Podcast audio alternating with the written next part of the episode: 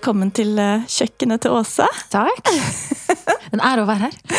Veldig fint at du kunne komme hit. Ja. Du var jo på taket for noen uker siden, og så tok vi opp eh, intervjuet med deg fra scenen da, men så blei det en sånn bilyd på det opptaket. Mm. Så folk skal slippe å høre på. Derfor så var det helt strålende at du kunne komme hit i dag Absolutt. og gjøre et nytt opptak. Veldig bra. Yes. Yes. Så Helene, vi som har eh, fulgt med på deg en stund, vi har jo sett eh, utallige vakre og eventyrlige bilder av nydelige og klassiske design. Um, og så ser vi jo tydelig en sånn kjærlighet og interesse for og kunnskap om vintage klær og Ja. stil. Og til og med en bokutgivelse har du nå på CV-en din. Det har jeg. Ja, Ta oss med tilbake. Hvordan starta egentlig det her eventyret for deg? Um, jeg har alltid vært veldig glad i klær. Eh, og ikke bare hva som helst. Jeg har aldri brydd meg så veldig mye om mote. Men jeg har brydd meg om at ting skal være pent. At det er estetisk tilfredsstillende.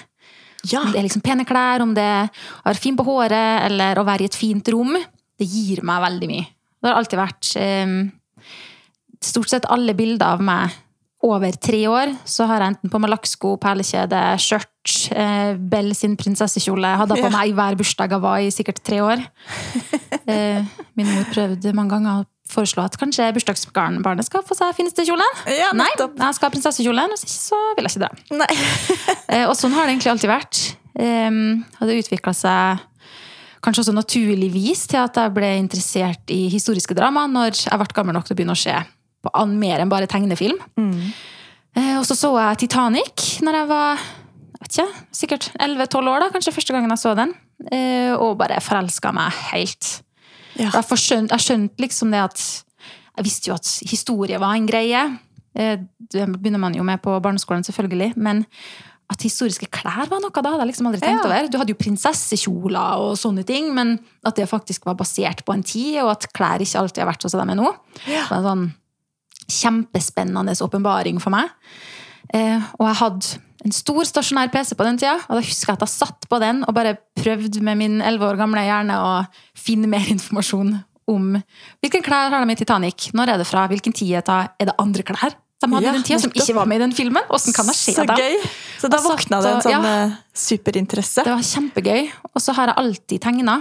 Eh, og da, igjen som barn, så var det prinsesser i kjoler jeg tegna stort sett. Det har alltid vært veldig klesfokusert. Nettopp. Eh, og da tegna jeg masse historiske karakterer og karakterer fra bøker, og var veldig glad i det med karakterdesign. Eh, hvorfor har en person på seg noe, selv om de kanskje er fra samme epoke eller samme tid? Hvorfor har ikke jeg og du på oss akkurat det samme? Ja, Hvorfor at vi er på forskjellige personligheter? Ja. Og syntes det var veldig gøy, hvordan man kunne bruke klær til å uttrykke seg sjøl. Ja. Og det kan endre fra dag til dag. Og, og så ble det bare en sånn greie. Klær og tegning og historie var liksom greia. Så kult. Så det har liksom vært en interesse siden du var bitte liten, og så smalt det litt da du var 11-12 år? Det var det. Altså visste jeg jo ikke at det var noe man kunne gjøre som jobb. Min store drøm var å bli eh, historiker eller arkeolog, så det er jo fortsatt i den ånden av historie. Ja. Um, og så fant jeg vel ut i sent tenårene at det gikk an å studere kostymedesign. ja. Så da gjorde jeg det. Da gjorde du det. Mm. Hva, hvordan gjorde du det? Hvor dro du? Først dro jeg et år på Romerike folkehøgskole, Ok. eh, for der hadde de kostymedesign. Og folkehøgskole er jo noe litt annet. Der bor du jo og på en måte jobber med det du har lyst til å gjøre. Og det er jo en teaterfolkehøgskole, så alle elevene der jobber jo sammen om å sette opp produksjoner. Så du har scenografilinjer og lys og lyd og kostyme, og dem som studerer skuespill og musikaler. Mm. Så setter man opp eh, forskjellige produksjoner. Eh, Det var kjempegøy. Året etter det så søkte jeg meg inn til Wimbledon College of Art for en kostymedesign degree, og kom inn dit. Og reiste Ja. til London. Så kult. Hvor lenge gikk du der, da? Tre år, så det er en bachelor. Så det er en bachelor i kostymedesign, rett og slett. Mm. Så da dekket vi Vi hadde mye sånn småkurs, siden vi hadde tre måneder der vi jobba med eh, som modist, som da er hattemaking. Så hadde vi tre måneder der vi gjorde corsetry, som var korsett og struktur, eller Som å si det på norsk, det har jo ikke vokabularet til å ta på norsk, for jeg studerte jo ikke på norsk. um, at man lagde supporting undergarments. Så korsett og uh, Sånn som du ser på 1700-tallsklær. Panniers, eller panniers heter det. Når du har sånne Ja. Tinger på sida. Ja, Som, Som over bygger det ut, ikke Ja. sant? Som bygger skjørtet ut. Alt sånn struktur, eh, alle strukturplagg. Ja. Vi hadde eh, motehistorie og prosjekt vi jobbet, vi ble gitt et skuespill, og så skulle vi designe dem. Alt mulig sånn. Så eh, derfra så gikk du egentlig over i eh, å jobbe med film, gjorde du Ja. ikke det? Det var det som var planen din da? Jobba i film fram til seint 2017. Ja. Da var jeg ett år i London og jobba, og så flytta jeg tilbake til Oslo. ja. Eh, og jeg hata det. Gjorde du? Det var Hva var det du hata? Det er ikke noe kreativt. Nei. Eh, jeg, var, jeg har vært heldig i den forstand at jeg har faktisk jobba på et par historiske produksjoner. Ja. Um, to av dem i England og én av dem i Norge. Men eh, det er nå mye politidrama og moderne humorserier og Helt perfekt og Neste sommer og eh, på, masse politigreier. Og det er bare så lenge det er gøy å dra på politihuset og leie uniformer. Ja, nettopp. Så du, du ja. sydde ikke noe da? Veldig lite. Du fikk ikke utfall deg kreativt i sånn type TV-produksjon? Nei, jeg jobba mest som um, settkostymør. Som mm. er når du Du er kostymeansvarlig på sett og sørger for at alle skuespillerne har på seg det de skal ha på seg Mm. i enhver scene i forhold til kontinuiteten. For vi filmer jo ikke ting i rekkefølge. Så du skal sørge for at eh, Si noen får, et, får blod på skjorta si da, på en scene, så kanskje vi filma det for fire dager siden. Mm. Men nå skal vi filme starten av det kostymet. Ja. Mm. Og åssen utvikla det seg derfor. Eller derfra. Mm. Eh, og det er Kontinuiteten er for så vidt greit. Det er, veldig lange dager på sett. Jeg har sikkert en gjennomsnittstid på 13,5 timer tror jeg, i løpet av de årene jeg jobba med det. Eh, og da skal du virkelig digge jobben din, altså! For Ja. gidde det. Ja. Og det er mange som elsker å jobbe i film, herregud, kjempebra for dem. Men jeg gjorde ikke det. Nei. Det var lite kreativt, og det var lange dager, og lønn var alltid en krangel. Og Ja. det var ikke lidenskapen. Det var ikke verdt det liksom for meg. Nei. Så da hadde jeg fått fikk jeg nok. slutta du med det? Ja. Ja. Det var sånn én dag på sett som var en skikkelig sånn marerittdag. Det var en kjempestor dag, og det var ingen hjelp å få. liksom. Du var underbemanna på sett, og det var bare helt grusomt. Så da tenkte jeg den dagen at når jeg er ferdig med den jobben her, så skal jeg aldri gjøre det igjen. Og det har jeg ikke gjort. Nettopp. Så da gjorde jeg ferdig den, det prosjektet, og Ja, Og så deg ikke tilbake? nei, Nei. aldri. Nei, jeg skjønner. Jeg har jo eh, vært litt innom den bransjen her selv, men særlig med ungene mine, som er med på mye sprell. Og de som jobber med kostyme der, det er jo sånn som du sier, det er veldig sånn detaljorientert. og den glidelsen gikk litt opp der, da skal den også gå opp der akkurat på Ja. samme måte i morgen. Så jeg skjønner hva du mener, at det ikke fins kreativt, da. Nei, og altså, sånn Logistikk syns jeg er ganske gøy. Jeg er en veldig organisert person. Så akkurat det med sånn manusnedbrekk for eksempel, og karakternedbrekk, det var det som oftest jeg som gjorde i kostymecrewet. Fordi det var jeg som Jeg var flink til det. Og jeg syntes det var gøy, og jeg var nøye. Men eh, det tar to dager, da, og så er det, Ja. så er det gjort. Så hva fant du på etter det, da? Etter den dagen når du ikke lenger så deg tilbake? Da, jeg hadde alltid lyst å prøve å åpne en vintagebutikk. Ja. Um, da jeg bodde i London, så gikk jeg Jeg har alltid gått kledd mye i vintage og bruktøy og historisk klær. Det, er jo ikke, det var jo ikke så mye i Norge sånn 2017, og vi Mm. Er fortsatt sant. ikke så veldig flinke til det. Det vi har i vintage i Norge, er jo stort sett liksom 80-90-tallsklær Mm. og Fretex, og så har du et par halvok-salonger. Mm. Men ikke så mye som spesialiserer seg på det litt eldre. Så det hadde jeg veldig lyst til å prøve. Mhm. For det var noen sånne salonger i England som bare var helt magisk. Mhm. Så jeg gjorde det, og drev Fabel Vintage i to år. Ja, her i Oslo. Her i Oslo. Først Ja. hadde jeg pop-up på Torshov. Ok. Så flytta jeg til Sankthansøy og var der. Eh, og så, når kontrakten da omsider gikk ut, så måtte jeg jo ta et valg. Ja. Og ta noe jeg hadde lyst til å fortsette med, eller eh, ikke. Mm. Så hadde jeg begynt å designe strikkeoppskrifter samtidig som jeg åpna Fabel Vintage, så det starta liksom akkurat samtidig. samtidig. ja, så det var et overlapp? Ja, så Fabel Vintage og Fabel Knitwear var Om ikke tvillinger, så var de søstre Ja, som starta samtidig. Ja. Så var jeg naturligvis dratt mer mot det som var litt mer kreativt og ja. brukte litt mer hender til det. Så da når jeg måtte ta det valget, så var det ikke så veldig vanskelig. Nei. Så det ble litt eh, glidende overgang fra vintagebutikk og til var- eh, strikkedesigner? Ja. Så jeg begynte jo å publisere oppskriften da mens jeg drev vintagebutikken. Ja. Um, og som sagt så gikk kontrakten ut, og jeg kunne velge å fornye den for en Og pluss at leia gikk opp. Eller prøve å satse 100% på bare strikking. ja. Hva var det som da- gjorde at du ville satse? Eller som Hva var det som på en måte tippa deg over til å skjønne at dette kan jeg leve av? Heldig i den forstand at jeg er ganske uredd. Ja, Det verste som kan skje, er at det ikke går. da. ja sant? Og den eneste personen som eh, må lære seg å håndtere det, det er nå meg. Mm. Så hvis det ikke hadde gått, så kanskje jeg hadde Kanskje jeg hadde vært flau, eller kanskje jeg hadde syntes det var litt uh, ubehagelig å snakke om det. Men Mm. altså, herregud, hvis det er det verste, så har det noe ganske fint. Absolutt. Og det er noen designere som snakker om at uh, det var liksom én oppskrift, eller var noe som fikk de til å forstå at ok, dette funker. Folk kjøper det her. Hadde du en sånn opplevelse? Jeg var veldig heldig at den første oppskrifta mi, som er skogsbærjakka, eh, solgte over all forventning. Ja. Det jeg strikka den egentlig bare for meg sjøl, som en sånn 40-tallsinspirert jakke. Ja. Eh, og la ut bilde på Instagram og se hva jeg lagde. ja. Eh, og da var jeg jo fortsatt ganske dypt inn kanskje i mer vintage-miljøet på Instagram. Jeg har fulgt mange vintage-folk og vintage-butikker, og de fulgte meg. Det, var liksom, det var mer vintage enn det var strikk, da, for min del. Det, det fins en sånn vintage-Instagram-side. Ja da, absolutt. absolutt. og så er det jo overlapping for veldig mange som er glad i vintage-klær. Liker også håndarbeid. Ja. Forskjellige variasjoner, om de syr sjøl eller strikker eller hekler eller Ja. noe helt annet. Og man liker kanskje også litt den eh, bærekraften Absolutt. i det. Varigheten av et plagg. Jeg tror både det at mange For meg har det alltid vært et pluss at det er bærekraftig. Det er ikke derfor jeg gjør det. Men det er helt klart en bonus. Eh, Og så gir det deg jo enorm frihet til å skape sin egen garderobe. Nettopp. Og det tror jeg mange som bruker vintage, setter Ja. pris på. For de har jo åpenbart ikke lyst til å gå i ting fra Sara, Fordi mm. da hadde de jo gjort det. Mm. Så det gir deg jo den friheten til å virkelig sette sammen din egen stil. Ja. Så når jeg da begynte å legge ut de bildene, så fikk jeg jo meldinger fra både strikkere og ikke-strikkere om at å herregud, det må jo bli en oppskrift. ja, så kult. Eh, Jeg bare, ok, jeg kan prøve. Ja, for da hadde ikke dere skrevet en oppskrift jeg Nei, aldri skrevet en oppskrift der, og herregud, det var så mye tull og feil i den første utgaven der. Så jeg tror jeg drev og redigerte den første utgaven i sikkert to måneder etterpå. Ja. Jeg hadde jo teststrikkere og hele pakka, men jeg, bare, jeg hadde jo ikke gjort det før. Nei. Men det er jo litt greit, da, ved å være litt uredd. Så sånn, ja, sorry, det var en feil. Her har du pengene tilbake, sånn skulle det ikke vært. Mm. Men eh, neste skal jeg ikke gjøre den her feilene. Nettopp. Så lar man ikke er. Slutter jo ikke på grunn av det. Nei. Eh, Så siden den første var en suksess, Ja, og så fikk jeg jo blod på tann og bare fortsatt. så kult. Mm. Og så har du fortsatt eh, med det siden, da, egentlig. Har det.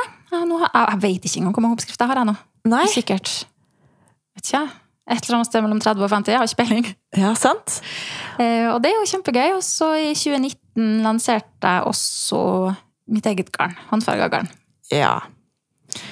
Så det var gøy. Da fikk jeg liksom Jeg tenkte jo det at når jeg først skulle ha satse på strikk og ikke ha vintage, og ikke drive med det i det hele tatt, så hadde det kanskje gått med bare oppskrifter, men hvis jeg virkelig ville kunne leve av det uten å måtte bekymre meg, så måtte jeg også ha et annet produkt. Mm. Og da, som en person som alltid har vært glad i å tegne og male, Mm. jeg vet, jeg prøver litt eh, å håndfarge litt garn. Det er jo sikkert som å male. Jeg synes det er så farger, og selv om jeg kanskje ikke bruker så mye farger, å jobbe med det er kjempeartig. Mm. Så jeg kjøpte vel 40 hesper med ufarga garn på kjøkkenet og bare prøvde meg. Ja. Så gøy! Ja. Og det var akkurat det samme. Blod på tann, vil jeg gjøre mer av? ja. Bare satsa. Så artig. Mm. Har du, når du farger garn, har du eh, noen av dine egne oppskrifter sånn i tankene, eller? Ja, altså jeg har jo tatt inn garn som kan brukes i mine oppskrifter. Mm. Det er vel ingen garnbaser jeg har som ikke kan brukes. Hva er det du eh, tar inn mest av, da? Eller hva, hva er det du farger mest på? Eh, Min bestselger heter Athena, som er et fingering weight-garn. Jeg bruker, den, jeg syns den internasjonale måten å gradere tykkelsen er mye lettere enn det vi gjør i, norsk, på, i Norge. Så jeg får samme strikkfasthet på tynt og relativt tjukt garn. Så jeg syns det er mye lettere å faktisk gå Ja. for fingering, DK, sport. Ja. Er det en slags merino? Ja, det er en Ja. eh, tynn merino med litt stelina, gullstelina, så litt glitter, Ja. og litt nylon. Så den er slitesterk, den er kjempedigg å strikke med. Jeg har den på meg i dag. Ja, den er nydelig. Jo, takk. Litt sånn Eh, burgunderfarga, den ja. du har på deg nå. Veldig pen. Eh, og passe til Altså, Jeg syns det er kjempegøy, og jeg elsker jo glitter. Mm. Så, eh, og den selv, eh, det er heldigvis folk syns den liker den. Hvordan gjør du det med glitter, da? Hvordan tilsetter du Det, det, det er heldigvis ikke jeg som Du tilsetter. gjør ikke det? Det kommer ferdig glitra? det kommer ferdig glitra fra spinneriet.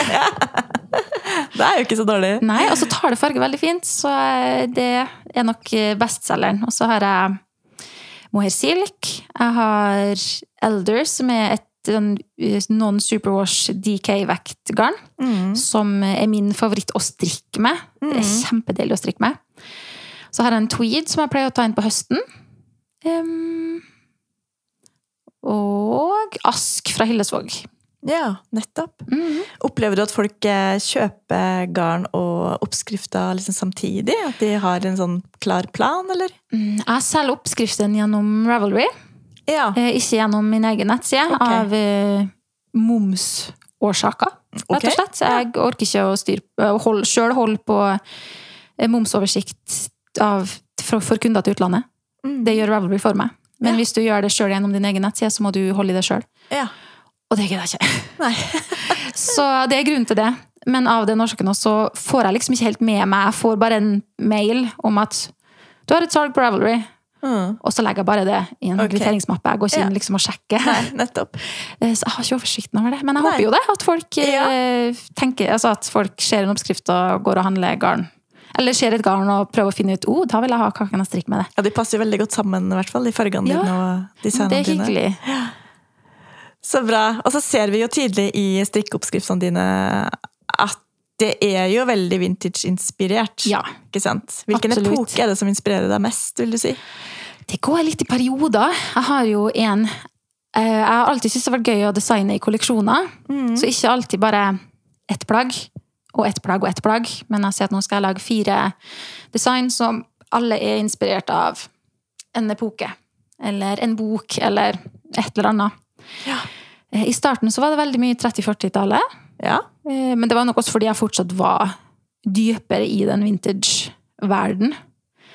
Eh, Og så har det vært litt flytende etter det. Eh, Min favorittepoke er den edvardianske perioden, så tidlig 1900 til sånn ja. sent eh, 1910-tallet. ja. Hvordan vil du beskrive den klærne fra den epoken? De er blondete og Ja. chiffongete. Veldig feminint. Og veldig feminin, veldig mye lyse farger, veldig intrikate detaljer. Mm. Alle de tingene jeg liker. Ja. Så liksom tidlig Downton Abbey, Titanic. Det er helt sikkert av Titanic. ja. Den påvirkninga da du Ja. var elleve. Det ble bare imprinta i hjernen veldig tidlig og har aldri Ja. forsvunnet. Nei. Ser du deg noen gang tilbake, Helene? Tenker du at du kunne hatt en plan B, på en måte? Eller er det strikkedesign og garn nå som er Nei, når jeg var, gikk på videregående, så husker jeg jeg sa at min plan B Hvis jeg en dag står der og ikke får gjort det jeg har lyst til å gjøre, så skal jeg bli lærer. Ja. Og det kan, altså, jeg, synes det var, jeg var veldig heldig. Jeg syntes det var artig å gå på skolen. Mm. Kose meg på barneskolen, jeg koste meg på ungdomsskolen, jeg koste meg på videregående. Ja. Skolen var kjempegøy. Ja. Eh, og sikkert i stor grad pga. at jeg hadde veldig flinke lærere. Ja. Jeg har alltid hatt mye respekt for lærerne mine, og satt pris på at jeg har hatt gode lærere. ja. Så fint. Så det er sikkert en fin Altså, Jeg håper jo at jeg kan holde på med det her så lenge som mulig, men skulle det nå en gang ikke gå, så er det sikkert fint å ha vært lærer. Mm.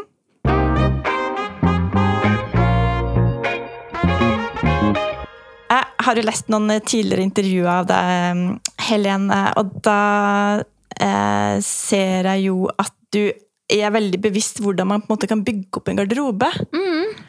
Vil du beskrive litt hvordan du tenker når du bygger opp din?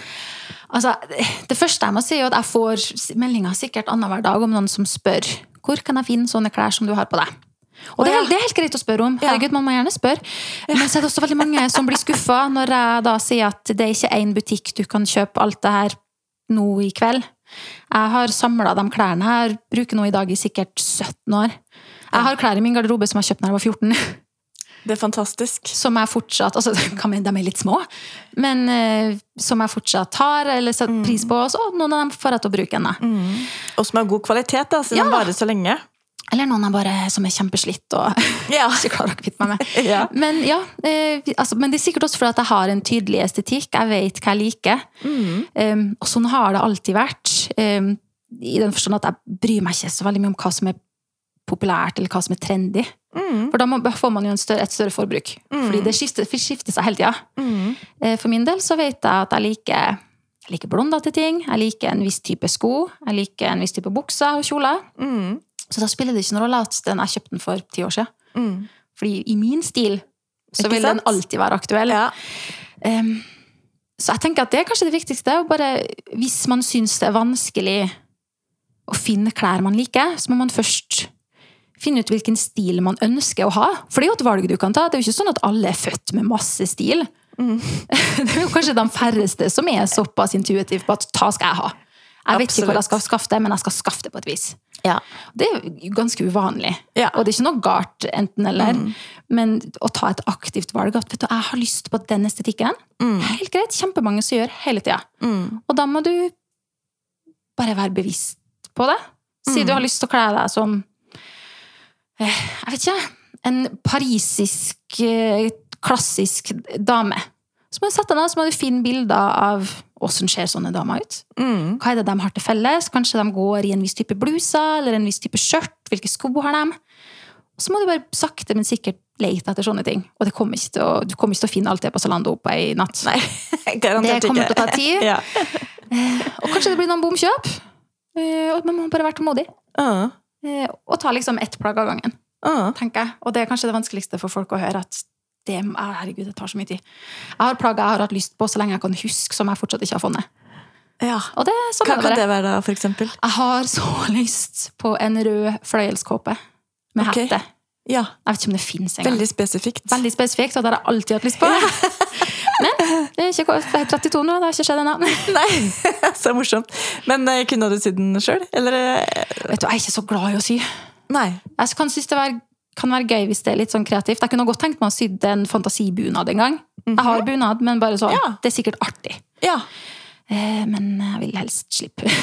Ja. Med mindre det bare er et sånn gøy kostymeprosjekt. Da kan jeg sy det. Liker du best å designe den? på en måte? Tegne den og finne ut hvordan den skal være, så kan andre sy det? Ja, det er nok kanskje noe med det. Og så har jeg jo en utdannelse innen kostyme Mm. og søm, ikke motesøm. Mm. Så det frister ikke et sekund å sy meg liksom jeans eller ei bukse. Nei. Men hvis jeg skal sy et korsett, eksempel, Ja. det er kjempeartig. Lett med. ja. Så fint. Ja. Men I strikkedesignet ditt, eh, Helene, vi var litt så vidt inne på det i stad, men at vi ser på en måte litt sånn tydelige Vi ser trekk av vintage i mm. ny strikk. Mm. Ikke sant? Da tenker jeg på eh, puff, altså skulderpuff, for Ja. eksempel, sånn som du har på deg nå. Mm. Er det andre ting ved dine strikkedesign som er litt sånn inspirert av vintage, eller 40-tallet, eller 30-tallet, eller Mm, Ja, jeg vil Det er to ting jeg ofte henter fra eh, historiske klær. Eh, og nå sier jeg historiske klær og ikke vintage, fordi jeg har også klær som er inspirert fra 1600-tallet og Ja, ja 1800-tallet. Ja. Eh, det ene er silhuett. Jeg har jo en del helt enkle design som er strikka i glattstrikk med vrangbord. Mm, ja. Fordi det er silhuetten som er viktig. Som du Ja. sier, det er puffermene, eller det er Mm. eh, de biskopermene, de veldig blusende ermene som eh, heter biskopermer, det heter ikke puffermer. Ja. Puffermer på skuldrene. Ja. Det er ikke rundt håndleddet. Eh, eh, og da kan det helt fint være glattstrikk. Ja. For det er liksom silhuetten som skal skinne gjennom. Mm. Eh, så det er liksom den ene delen som jeg ofte henter fra. Og den andre går på detaljene. At Mm. det er de små, intrikate håndarbeidsdetaljene. At du ser at ei håndlagd side kniplinger. Mm. Noe du aldri finner i moderne klær lenger, fordi folk ting er sydd på fabrikk. Mm. Så det har de selvfølgelig ikke tid til. Men i gamle klær, det er så mye fine kniplinger. Og det er så mye fine legg i klærne, og detaljer. Mm. Det er så forseggjort. Det er så forseggjort. Mm. Og det å prøve å hente inn de detaljene Altså, det er jo ikke det at altså, Strikk er jo håndarbeid uansett, om det er glattstrikk eller mønsterstrikk eller hva det nå er. Men å i hvert fall hinte til dem. Så si i Antiquity Bluesen, som er en bluse inspirert av 1910-tallet, så er det falske kniplinger opp langs håndleddet, som bare er popkorn. Som skal oh, ja. se ut som Ja, ja. de kniplingene du får på antikke bluser. Nettopp. Mm. Går det an å si noe sånn om hvem som er den typiske kunden din? Har du noen oversikt over det? Nei, det vet du heldigvis ikke. Det hadde vært litt kjedelig hvis Ja, det bare var én type person som følte at de kunne handle til meg. sant. Jeg håper jo at alle føler at de kan det, om de så kler seg topp til tå i en spesifikk epoke, eller om de bruker jeans og sneakers, men er glad i litt feminine bluser. Mm. Jeg håper jo at Og det er jo også en ting, så Vi snakka om det med å ha en spesifikk stil i stad. Mm. Eh, Det betyr på ingen vis at fordi om du har lyst til å se ut som en klassisk fransk dame, så er det ikke sånn at sånn må du se ut hele ditt liv til enhver anledning. Mm. Det er jo flytende. Man kan like det, og man kan like 40-tallet, og man kan like 80-tallet, og man kan like det som kom ut i vår, og man kan mikse og matche og gjøre som man vil, egentlig. Mm. Og det er jo det jeg håper at folk syns er gøy med strikk. At Mm. de kan tilpasse fasongen og fargene og alt ut fra hva de allerede har i garderoben sin. De trenger ikke å strikke det designeren har designa, og kle seg sånn som dem om de ikke ønsker det sjøl. Mm. Bare for at jeg kler meg sånn, så betyr ikke det at den blusen er bare fin til mine klær. Mm. på en måte. Godt poeng. Veldig fint. Og jeg syns jo de tankene du har, er jo, er jo veldig viktig også i den tida vi er nå, når vi blir mer og mer tvunget til å tenke bærekraft. Da. Mm. At man tenker litt mer gjennom eh, innkjøp og hva man eh, gjør med Ja. verden. Absolutt. Hender det at du går på noe bomkjøp selv? Hele tida. Er du en impulskjøper innimellom? Ja, veldig ofte. Er du det? Altså, jeg, Jeg ser ikke for meg det. nei, eh, det er derfor jeg er ærlig om nå. nei, jeg har eh, sikkert så mange andre Hvis jeg først begynner å shoppe, så blir det en litt sånn nedovergående spiral. At siden si jeg må ha en ny kåpe eller jeg må ha nye sko, eller det er noe jeg må ha, så det er veldig lett å bare oh, men nå har jeg kjøpt meg nye sko, da burde jeg kanskje hatt eh, ny bukse. Kanskje jeg skulle, og hvis jeg har kjøpt meg ny bukse, så må jeg jo kanskje også ha en sommerkjole. Ikke sant? Og hvis jeg skal ha en sommerkjole, så bør jeg ha ny veske, og så blir det en sånn Så har du det gående. Hvis jeg først har begynt, Ja. så er det veldig lett å bare shoppe litt mer. Og det merker jeg veldig godt. Jeg snakker med andre òg, og de sier akkurat det samme. Så det er bare nei, ta et steg tilbake. Jeg har egentlig det jeg trenger. Mm. Bare ta meg en pause på noen måneder, og hvis jeg fortsatt har lyst på det, Ja. så kanskje jeg kan kjøpe det. Så fint. Eh, Men hvis jeg bare fortsetter, så plutselig har jeg kjøpt altfor mye. Og det er jo ikke bra for meg, det er ikke bra for lommeboka mi, det er ikke bra for miljøet. Og så tipper jeg det er for veldig mange. Jeg tror vi alle kan skrive under på at vi har det Jeg sånn. har gått flere år der jeg bare har kjøpt liksom, nye truser Mm. eh, og nye strømpebukser. Ja. Og så plutselig så er det en ny ting jeg føler at jeg trenger, og så har det vært skikkelig ras med altfor mye shopping. Ja, nettopp. Ja. Så du, liksom, hvis du først får smaken på det, så er det, Det er vanskelig det. å stoppe. Ja, det er Som det. en sånn potetgullpose, på en måte. Det er det. Så jeg prøver å være bevisst på det. Eh, Ja. Men så er det jo helt greit å kjøpe seg noe fint av og til hvis det er noe man har lyst på. Mm. tenker jeg. Ja, men jeg syns det er fint det du sier med at det, at det er gjennomtenkt, at man kan ta et skritt tilbake og virkelig vurdere om man trenger det. Ja. Jeg prøver ofte også hvis jeg ramler Det er sjelden jeg er i butikk-butikker. At jeg går på Bik Bok eller Sara eller Gina. Og hvis jeg først gjør det, så prøver jeg For jeg har en tendens til å bare kjøpe det. Bare gå i kassa og kjøpe det. Jeg trenger ikke å prøve det, for jeg vet størrelsen min. Men hvis jeg tvinger meg sjøl til å prøve det, Mm. så er jeg også mye mer kritisk. Ja. For vet du det var faktisk ikke like fint på. Jeg skal ikke ha den. Mm. I stedet for å bare gå og kjøpe en, gå hjem, og den var ikke så fin. Ja, ja, og så henger den i skapet. Mm. Det er jo helt Ja, det er veldig tullete. Det er veldig smart, Helen. Jeg skal prøve å huske på det der litt, eh, litt framover. Jeg tenker at eh, det er mange egenskaper ved en sjøl som skal til for at man skal lykkes som selvstendig. eh, Og som strikkedesigner, for eksempel. Ja. Vil, vil du, er det noen egenskaper ved deg som du vil trekke frem som du tenker at har vært litt sånn avgjørende for at det skal funke? ja jeg er veldig organisert, Ja. og så er jeg veldig effektiv. Ja. Eh, og den effektiviteten er jo helt suveren hvis det er ting jeg bryr meg om. Da gjør jeg jo tidenes jobb, og sånn har det alltid vært. Hvis vi hadde et skoleprosjekt om antikke Egypt, så var jeg jo klassens beste og gikk langt ut av min vei for å presentere. Em, hvis jeg ikke brydde meg så mye, så gjorde jeg ikke så mye. Nei. Da brukte jeg heller den effektiviteten til å forte meg gjennom det og bli ferdig. Så heldigvis, ved å drive sjøl, så får jeg jo brukt den effektiviteten til å til noe jeg bryr meg om. Mm. Så da får jeg gjort ganske mye. Ja, så kult. Ja. Hvordan ser en arbeidsdag ut for deg? Går det an å si noe generelt om det, eller er det sånn at ingen dag egentlig er så lik? Altså, ingen er jo helt lik, men sånn er det jo for alle, selvfølgelig. Eh, Men jeg har vel litt forskjellige kategorier med arbeidsdag, da. Så hvis jeg skal farge, for eksempel, så går jeg på studio og rigger til alt. Og så har jeg laget meg en oversikt over hva jeg skal hva jeg mangler. Er det noe, en event jeg skal farge, til i messe? Hva jeg mangler i nattbutikken? Mm. har forskjellige planer ut ifra det. Eh, Nå for eksempel drev jeg og farga opp til messa som kommer til høsten. Nå ble jeg ferdig på fredag med å farge opp til neste butikkoppdatering. Ja, Så jeg har litt sånn planer som jeg jobber med der. Og da er du litt sånn nøyaktig eh, at du skriver ned Ja, da har jeg en liste at jeg skal farge opp seks Athena Ja. i fargen Astronomy Tower. Ja, og da har du skrevet ned den fargen. Men vi snakka med en garnfarger her om dagen som ikke skriver ned. Å, herregud. som nei. går litt mer på impulsen, men da er du litt motsatsen, på en jeg måte. har eh, en, eh, hva man nesten kalle det, en sånn, jeg har en perm Ja. der jeg først skriver ned ting bare i en sånn skisseblokk. Ja. Eh, Og så når jeg har nok der, så setter jeg meg ned og så skriver jeg dem ut, og så legger jeg dem i plastmapper, og så går de inn i permen. Ja, du er lager en oppskrift per, Ja, eh, Så står det så mange skeier med den. Ja.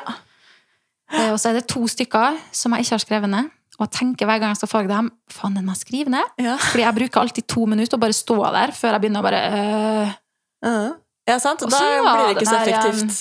det blir ikke, For det første blir det ikke effektivt, og for det andre så blir det ofte feil. Ja, det blir litt unøyaktig. Ja. Sånn, oi, ta, var ikke så, nei, det, bare prøve ny. Så jeg bare prøver alltid å skrive det ned. Ja, Det blir jo veldig forutsigbart for oss som er kundene dine. Ja. da. At vi liksom vet hva vi får. på en måte. Ja, selvfølgelig. Jeg vil jo at man skal kunne ja, skal være trygg når man handler. Ja, sant? Ja, Så kult. Og, og pakker du varer selv? Gjør du alt selv? Pakker varer sjøl. Har en egen pakkedisk på studio. Mm. Går på posten sjøl, med mindre det er veldig store bestillinger. Da får jeg posten til å komme til meg. Ja. Og gjør alt sjøl. Ja. Så det er jo altså Oppgavene når man driver sjøl, og én person, er jo alt fra vaktmester til CEO, så det kan være så lite eller så glamorøst som man vil det sjøl. Mm. Det er jo alt fra altså Jeg starter som oftest dagen med å sjekke mailen. Og svare på mail, ta alt av admin, Mm. alt sånn. Eh, Og så har jeg jo selvfølgelig farginga som en del av jobben. Eh, Oppskriftskriving en del av jobben, og korrespondanse med teststrikkere. Mm. Inventar og eh, prosessering av garn etter det er farga. Det skal jo hespes opp, og det skal ha lapper på, og det skal, inventaret skal telles opp, og det skal ut i nettbutikken, eller Kanskje det ikke skal til nettbutikken, kanskje det skal i en pose som skal til Bergens strikkfestival, eller ja, Mm. ha orden på sånne ting. Mm. Eh, hva mer, da? Må vaske, selvfølgelig. Studio. Må ta regnskap. ja. Så det er alle mulige oppgaver. Men jeg prøver å ta dager som jeg gjør ting. Så hvis jeg skal farge den dagen, så er det det jeg skal. ja, Eh, nettopp. Og hvis jeg skal ta regnskap, så er det liksom det jeg skal Ja. den dagen. Ja. Det hjelper meg. Hvis ikke blir det litt Man kan jo lett bli overvelda hvis man ikke klarer å holde et sånt system. ja. Du er liksom din egen sjef, men også ditt eget eh, verneombud. Ja. Må være det. Hvis ikke så er det jo ikke bærekraftig i lengden. Og din egen eh, kreative Ja. sjef. Og det er jo kanskje det vanskeligste med å drive sjøl, er jo den der balansen med Ok, jeg har jobba åtte timer i dag. Jeg trenger ikke svar på den mailen her nå, Mm. men jeg kan jo svare på noe. Ja, sant? Sett en Ja. eh, grense et sted. Jepp. Ja. Det tror jeg man må gjøre, hvis ikke så blir man jo utbrent, og da kommer det jo ingen vei. Mm. Du Helene, da du var på um, Strikk på tak eh, sist, så hadde du jo med deg boka di til salgs. Ja. Den er jo helt eh, nydelig. Takk!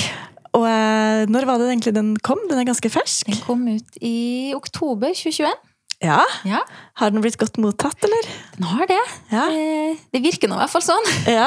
Hvis noen har andre meninger, så har de ikke sagt det til meg, og det må dere gjerne ikke gjøre. Helst ikke. Nei. Helst, eh, helst ros og ikke så mye Bare ris. ros, takk. Ja. Eh, Nei, den kom i oktober. Jobba med i ca. et år fra jeg liksom signert bokdealen til den kom. ja. Ett år er jo egentlig ikke så lenge, jeg har jeg skjønt. Nei da, men jeg, nå er det jo noen av de oppskriftene her er, har jeg jo kommet ut med før, så jeg Ja. designa jo ikke 32 oppskrifter på et år. Det hadde jo vært eh, sinnssykt til og med for meg. Ja. Til og med for effektive Helene. Ja, det hadde ikke gått. Nei, Det som jeg likte godt også med boka di, i tillegg til de vakre oppskriftene, er jo, eh, hvis jeg husker riktig nå, så hadde du en sånn innledning hvor du, hvor du beskriver de forskjellige epokene som Ja. Mye av designene er henta fra. Det Jeg har, blir liksom eh, læring i det også. Ja, jeg har illustrert en tidslinje Ja. fra når den, den oppskrifta i boka som er inspirert av den tidligste epoken, som er Tudor-tida rundt 1540, Mm. og opp til da 1940-tallet. ja. Og så har jeg jo ikke selvfølgelig inkludert absolutt alle periodene som finnes mellom da, men highlighta de eh, klesstilene som jeg har henta inspirasjon fra til noen av designene. Ja. Og så har jeg kanskje skrevet litt sånn, kanskje du ser inspirasjon til den blusen i denne epoken. Det er jo ikke Jeg tar det jo for gitt sant, at alle vet jo når Tudor-tida er. Ja, nei, det gjør vi jo ikke. Alle vet jo forskjellen på det og 1780 Ja, og liksom nei. 1890, men det er jo selvfølgelig jo ikke folk. Det er mange ting jeg ikke har peiling på. Ja, sant? Eh, og så hadde jeg en venninne som og Hun er en sånn teaterperson, så jeg er bare ignorant, som jeg gikk ut ifra at hun Mm. kunne ta. Det gjorde hun ikke. Og så fortalte jeg om ja, den er inspirert av Siden jeg sa 1580, da, bare for å si en tid. Og hun bare 'Å ja, ja, ja, det er jo Marie Antoinette'. Mhm. Sånn, nei, det er sånn 300 år feil. ja, sant? Eh, Så nei, det er det ikke. Nei. Man innså at å ja, men eh, og bra- om Marin Tatt- altså, Vi kommer med filmeksempel. Du har sikkert sett den filmen eller den filmen, eller hvis jeg snakker om 1913, da. At Ja, Downton Abbey, vet du.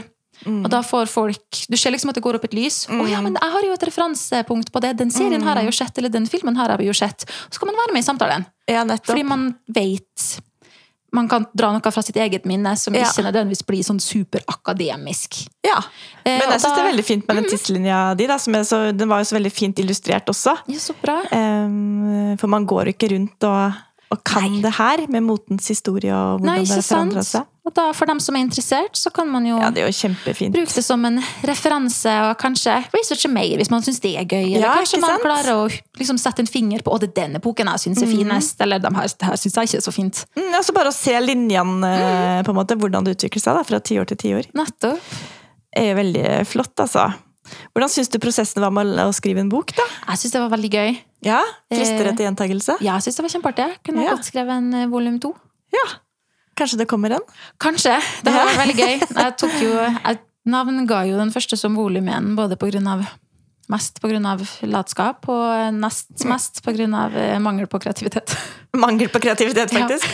det hadde jeg ikke trodd om deg. Så eh, det gjør det jo veldig lett hvis det blir flere, å gi dem et navn. Ja. ja, sant. Da neste bok heter volum to. -hmm. Jeg skjønner. Det er veldig mye fine bilder i eh, boka di også. Takk. Vi hadde, eller vi, sier jeg. Jeg hadde veldig lyst. Jeg var sikkert litt eh, Jeg forsto det sånn at veldig mange når de skriver en bok, så er det innholdet liksom som er viktig. Om det er en kokebok eller en strikkebok eller Samme det. Liksom det er kunnskapen som forfatteren bryr seg om. Mm. Og så kommer jeg og bare Jeg har kun lyst til å lage den boka her hvis den kan se akkurat sånn ut. Mm. Men, Hæ? Ja. Ja, Ok, åssen er det, da? Og jeg hadde masse krav og meninger, og eh, veldig kontrollerende. Når det kom til åssen det skulle se ut. ja. Jeg var heldig og hadde både en redaktør og et forlag og en grafisk designer som eh, hadde tålmodigheten til å deale med alle de kravene og småpirken som jeg hadde. Ja, men så ser man jo, den har blitt veldig gjennomført og eh, vakker, da. Det var målet. helhet i det. Ja. Jeg ville at det skulle være en coffee table-bok som tilfeldigvis inneholdt strikkeoppskrifter. Ja, Ikke en hobbybok. nettopp. Kult. Det syns jeg du naila. Mm, takk! Det ble det. Ja, Ja. gøy. ja. Og derfor så har den ligget her og vært en liten coaster i, også. Den ligger på et coffee table, faktisk. Det er lov. Ja.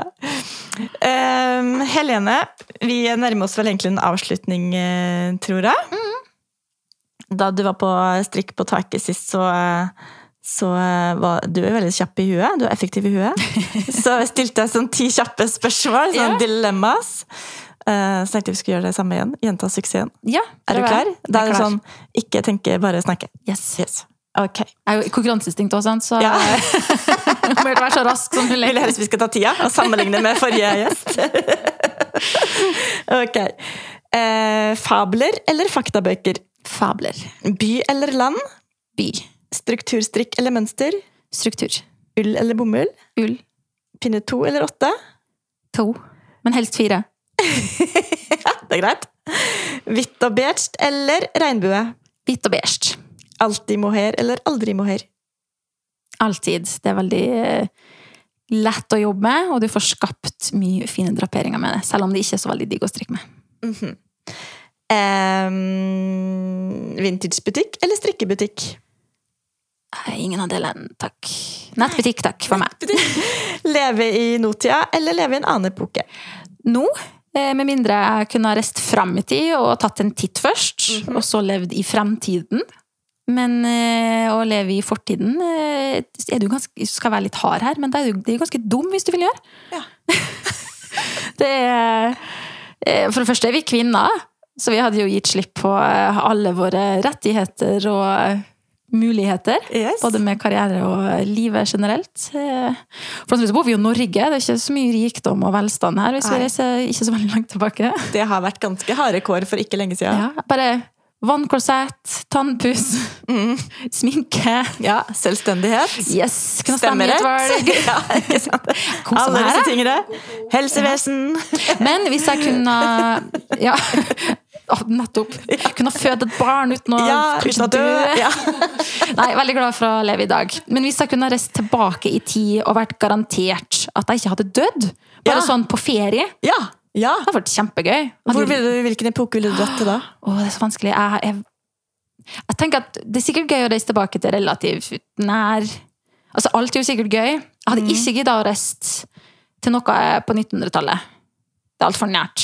Det er ikke nødvendig. Det er for tilgjengelig, tenker du? Ja, så Vi hvis du har først det liksom det, på film og sånn. Hvis du har én mulighet, og så Ja. står mange, så er det jo herregud alt. Men hvis, hvis jeg bare kan gjøre det én gang, Mm. så vil jeg nok reist til kanskje det 19. dynastiet i Egypt. Oh, kult! Eh, bare fordi det er så ikonisk. Ja. Det er så utrolig fremmed fra hva vi er vant til. Både Ja. kulturelt og estetisk og klima og alt er annerledes. Men de hadde De bodde liksom ikke Altså, Norge og Egypt på den tida var jo to helt forskjellige greier.